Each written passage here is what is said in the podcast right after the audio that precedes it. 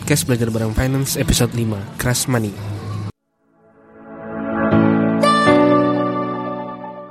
Oh iya, sebelumnya karena sudah lebaran Saya ingin ucapin mohon maaf dan batin ke teman-teman ya. Terutama karena episode kali ini yang akhirnya harus telat tayang.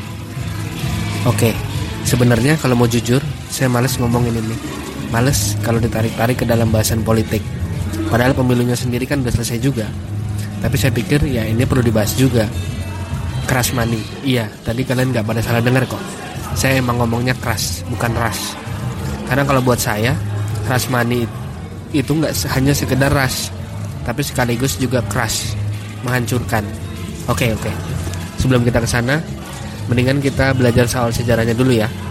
Di Indonesia sendiri money pernah terjadi di tahun 97-98 yang kalau kita kenal sebagai krisis 98 yang berujung pada jatuhnya rezim Soeharto. Tapi Rasmani ketika itu terjadi bukan karena masyarakat yang gak suka dengan Soeharto, kemudian membuat kampanye ajakan untuk sama-sama narik uang mereka di bank, Rasmani agar presidennya diganti. Nggak seperti itu. Ketika itu, tahun 97, ekonomi Indonesia itu besar, dikdaya, PDB-nya tumbuh luar biasa jika dibandingin dengan negara-negara tetangga di kawasan regional.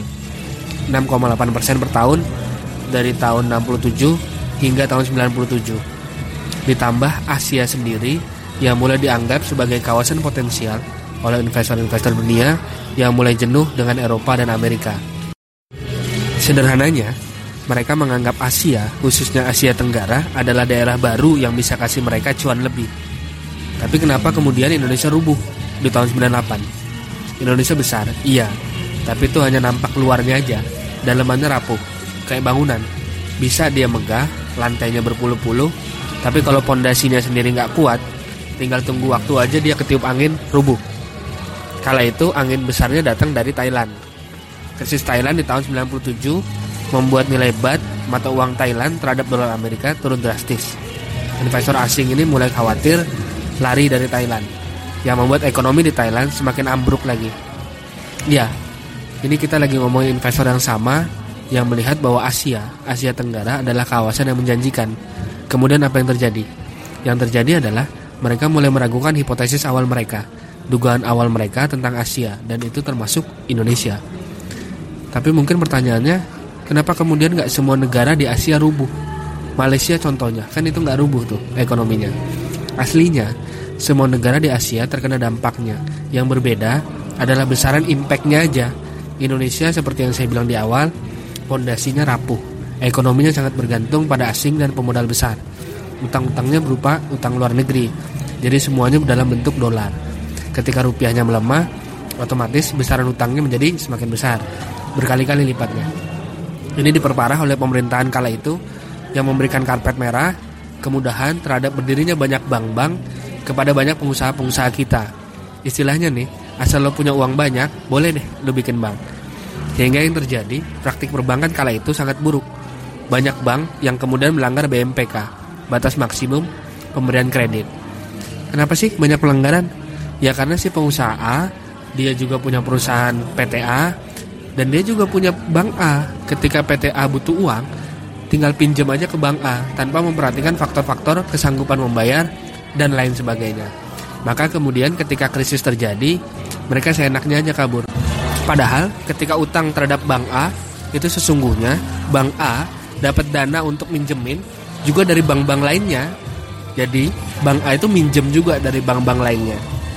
Itu yang kemudian mengapa bank disebut memiliki risiko sistemik. Karena suatu insiden yang terjadi pada suatu bank bisa menular kepada bank lainnya.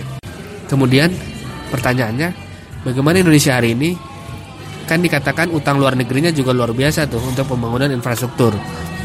Utang luar negeri hari ini dilakukan secara hati-hati oleh pemerintah dengan memperhatikan government debt to GDP ratio yang dianggap aman. Berbeda ketika dulu yang utang luar negerinya didominasi oleh swasta. Indonesia hari ini juga sudah memiliki jumlah UMKM yang lebih banyak. Begitu pula kemampuan Indonesia menghadapi krisis dari luar negeri. Terbukti masih menunjukkan angka pertumbuhan ekonomi yang positif. Belum lagi nilai rupiah terhadap dolar, serta IHSG yang rebound positif setelah aksi unjuk rasa 22 Mei kemarin.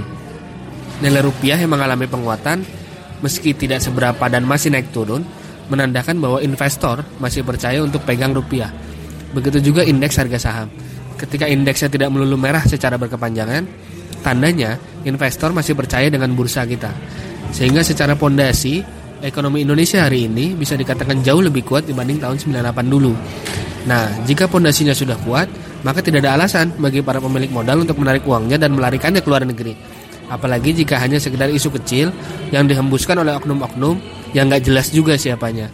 Jadi apa alasan kita buat khawatir buat apalagi ikut-ikutan rasmani ini? Seharusnya sih kita bisa lebih santai nanggepin isu ini, disikap, disikapinya secara bijak aja.